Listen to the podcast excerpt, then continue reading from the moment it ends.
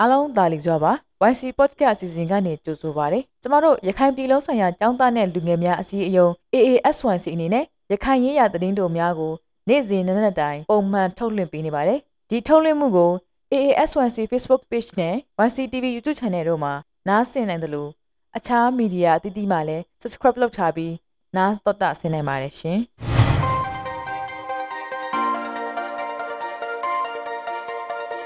2022ခုနှစ်အောက်တိုဘာလ25ရက်နေ့သတင်းတိုများကိုတင်ဆက်သွားမှာဖြစ်ပါတယ်ရှင်။ရခိုင်စစ်ပေးချောင်တွေကိုဆက်လက်ကူညီမယ်လို့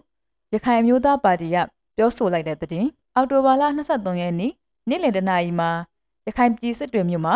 ရခိုင်မျိုးသားပါတီ ANP ဗဟိုရုံးမှာဘေးဒုက္ခကယ်ဆယ်ရေးကော်မတီနဲ့ပါတီတာဝန်ရှိသူတွေတွေ့ဆုံခဲ့ကြပါတယ်။ရခိုင်စစ်ပေးချောင်များအတွက်စားနပ်ရိက္ခာလူဒန်းပေးတဲ့နေရာမှာစနစ်တကျဖြစ်စေဖို့ အချက်အလက်များပြည့်စုံဖို့နဲ့ကူညီပေးနိုင်မယ့်ပမာဏအတိုင်းအတာတွေကိုဆွေးနွေးခဲ့ကြတယ်လို့သိရှိရပါတယ်။စစ်ပေးချောင်စခန်းတွေကိုလည်းကူညီထောက်ပံ့မှုတွေဆက်လက်လှုပ်ဆောင်သွားမယ်လို့ရခိုင်မျိုးသားပါတီရဲ့ဘေးဒုက္ခကယ်ဆယ်ရေးကော်မတီကောင်းဆောင်ဦးကိုရှေကပြောပါတယ်ရှင်။နောက်ထပ်သတင်းတစ်ပုဒ်အနေနဲ့စိုက်ပျိုးနှုံအထွက်နှုံကျဆင်းနေတဲ့ရခိုင်ပြည်ရဲ့လေယာစိုက်ပျိုးရေးသတင်းရခိုင်ပြည်မှာစိုက်ပျိုးလေယာဧကပေါင်း12သိန်းခွဲကျော်ရှိရမှာယခုနှစ်အတွင်းမှာ အခြေအနေအမျိုးမျိုးကြောင့်လယ်ဧက8သိန်းခွဲကျော်သာထွန်ရက်စိုက်ပျိုးနိုင်ခဲ့တယ်လို့သိရှိရပါတယ်။စပားထွက်နှုံမှာလည်းရခိုင်နှစ်ကထက်30ရာခိုင်နှုန်းကျဆင်းသွားတယ်လို့ရခိုင်ပြည်လုံးဆိုင်ရာ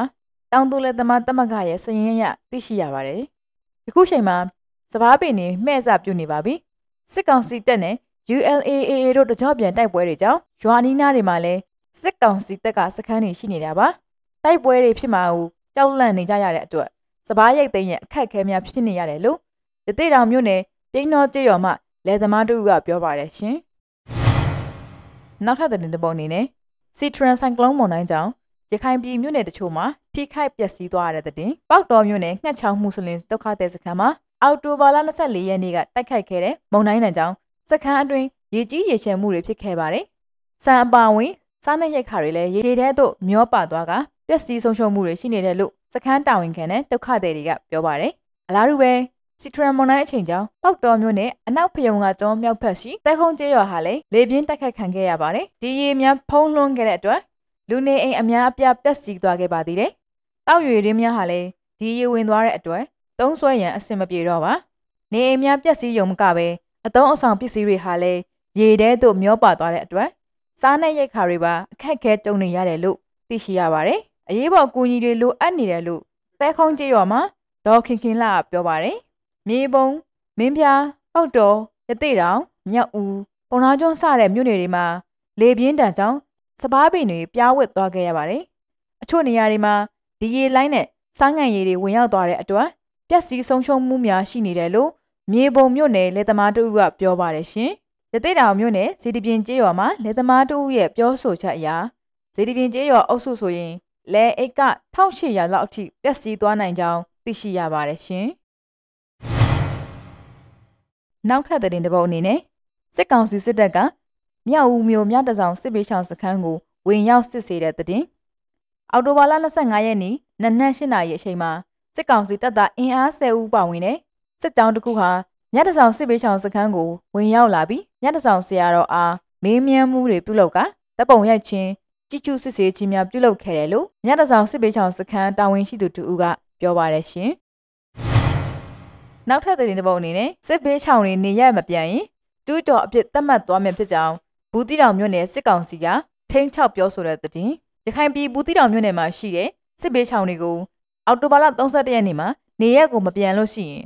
စစ်ပေးချောင်စခန်းတွေကိုလည်းကျူးကျော်အဖြစ်သတ်မှတ်သွားမယ်လို့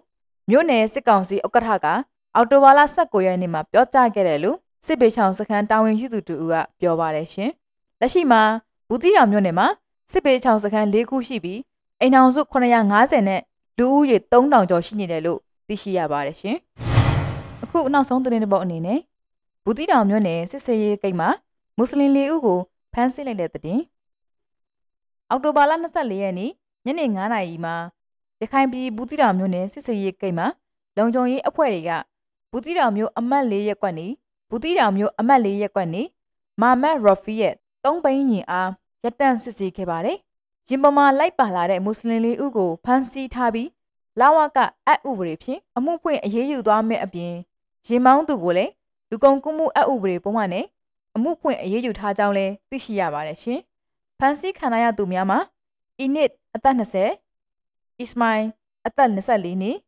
ကူရှီဒါအသက်15နှစ်နဲ့နူဆာဒီယာအသက် 16နှစ်တို့ဖြစ်ကြပါတယ်ရှင်။သူတို့တွေဟာတစ်ဖက်ဘင်္ဂလားဒေ့ရှ်နိုင်ငံကိုထွက်ပြေးခိုလုံနေထိုင်သူတွေဖြစ်ကြတယ်လို့သိရှိရပါတယ်ရှင်။